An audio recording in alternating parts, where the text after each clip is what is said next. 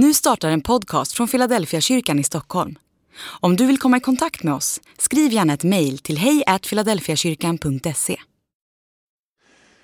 Idag så står jag här uppe på taket till eh, Philadelphia kyrkan som ligger mitt i centrala Stockholm. Stockholm består ju av flera olika stadsdelar varav några är egna öar. Och vi befinner oss på det som kallas för Norrmalm och som sitter ihop med de andra delarna, framförallt med hjälp av flera olika broar. När jag tittar ut här så ser jag Sankt Eriksbron och lite längre bort finns Barnhusbron och lite längre bort så är Stadshusbron. Och de här broarna runt om i Stockholm, de gör ju det möjligt för människor att eh, resa från en del av stan till en annan. Och Philadelphia kyrkan, vi har funnits på den här platsen i snart hundra år. Och under hela vår historia fram till idag så har vi varit en bro för människor.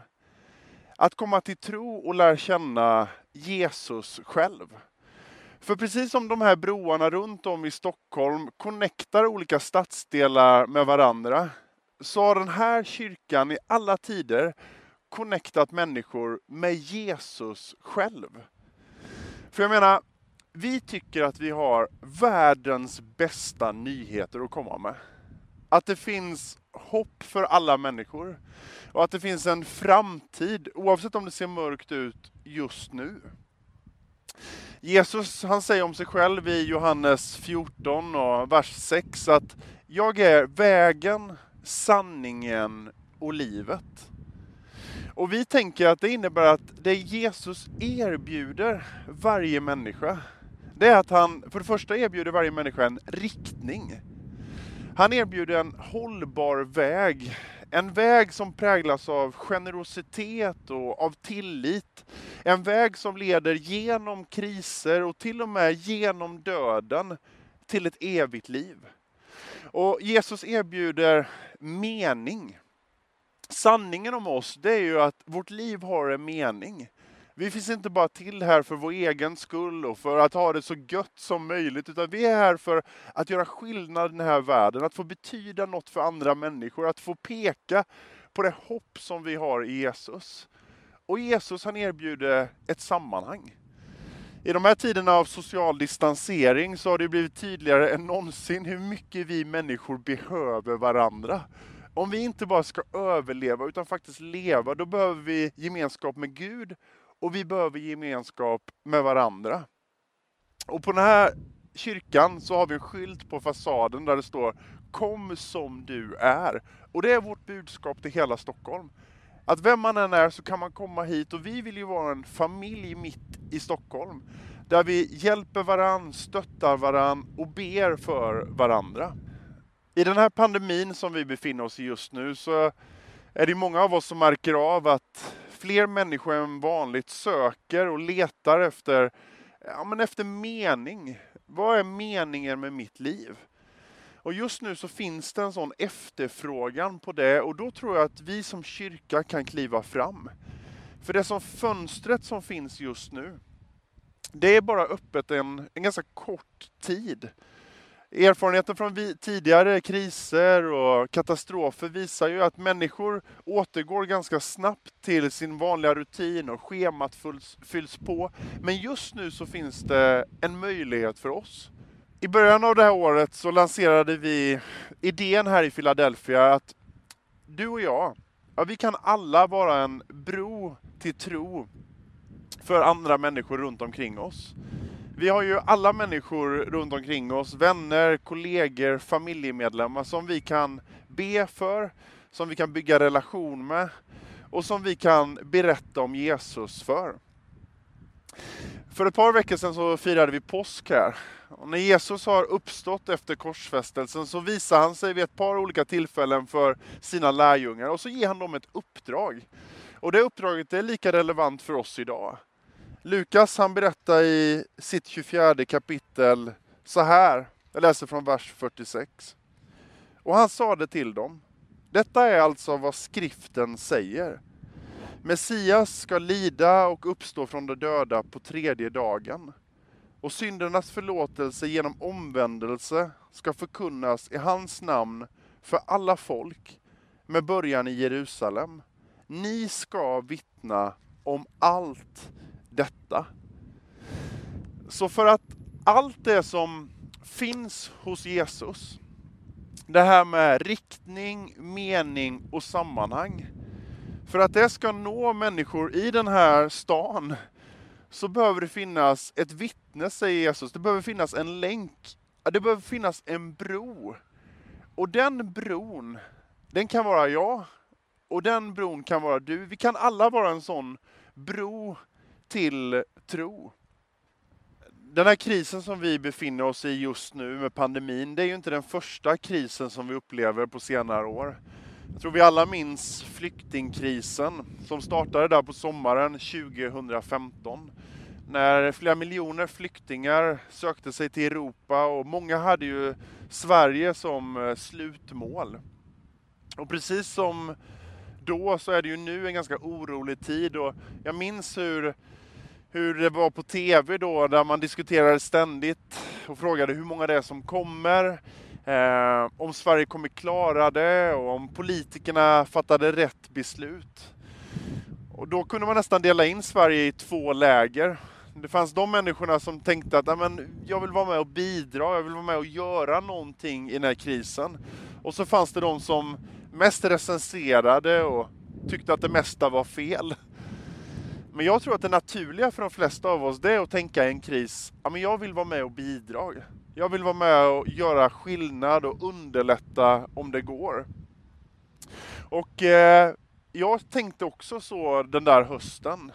Man såg alla de här människorna som kom och de enorma behoven och jag kände att jag skulle vilja göra någonting. Men vad gör man när behoven är så stora? Men så upplevde jag att Gud sa, du kan vara med och betyda något för någon. Du kan inte hjälpa alla, men du kan hjälpa en.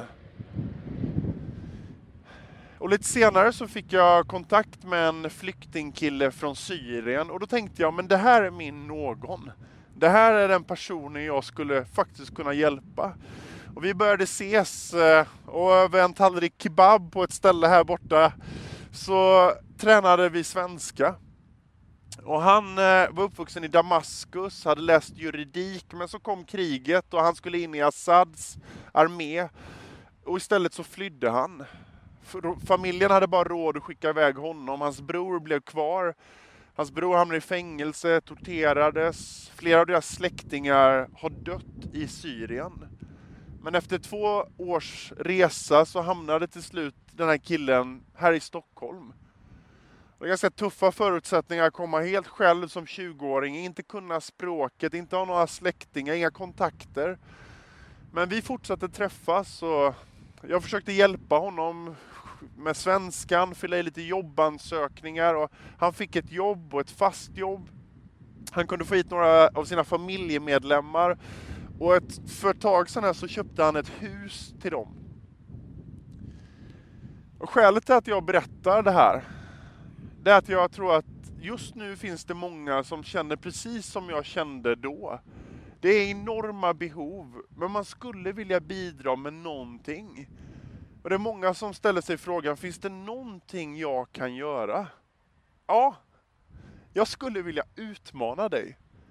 Du skulle kunna betyda något för någon.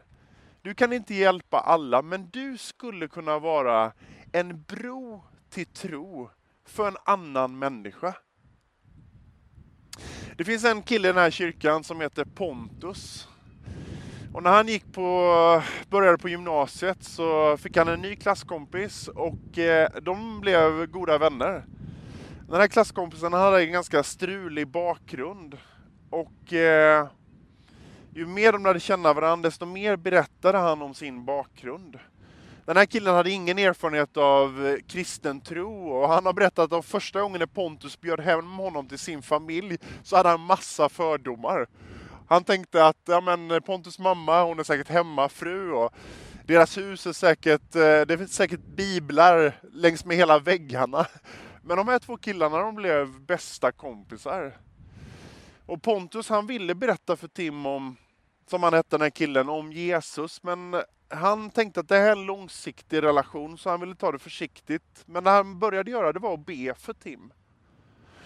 När de blev lite äldre så började de högskolan och Tim han började må allt sämre.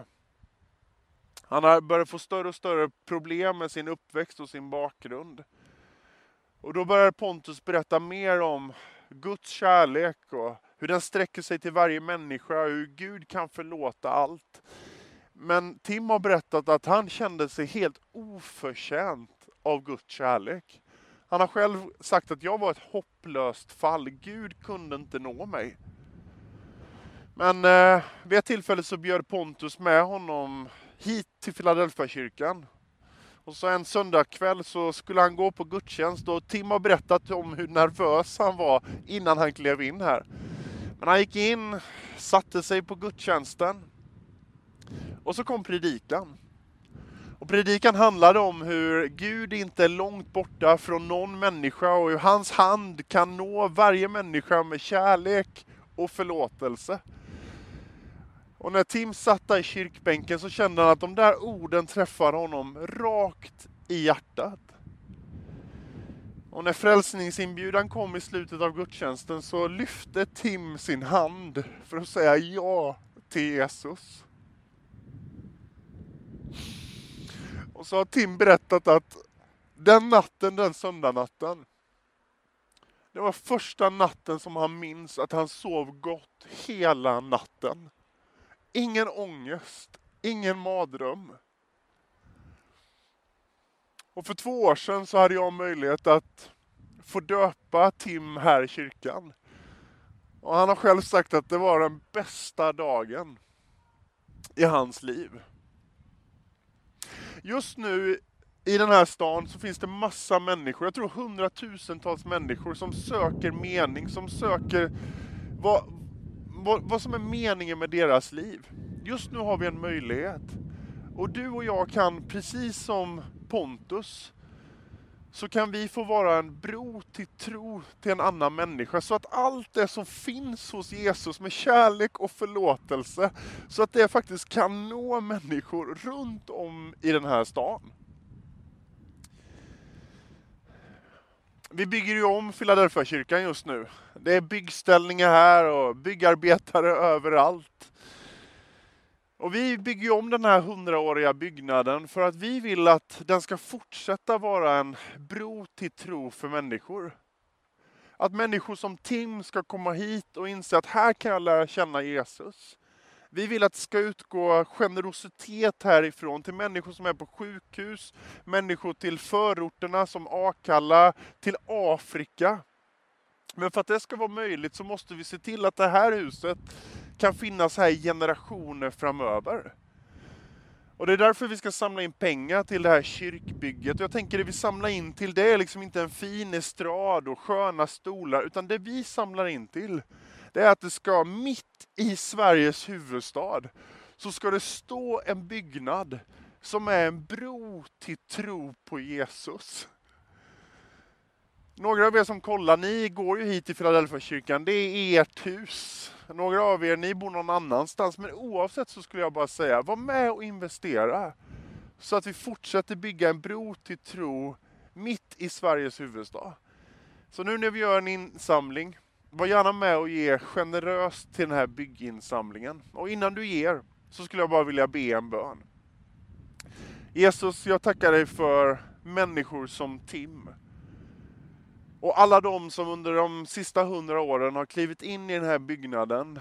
Och här har den här byggnaden fungerat som en bro för dem att komma till tro på dig Jesus. Jag tackar dig för att den här byggnaden har fungerat som en bro för att göra generöst och gott runt om i hela världen. Och jag ber för framtiden. Att det här inte bara ska vara en fantastisk historia utan att vi generationer framöver ska få vara med och vara en bro till tro för människor. Jag ber för hela det här bygget. Jag ber för hela vår ekonomi. Hjälp oss och led oss, kära Jesus. Jag ber om det i Jesu namn. Amen.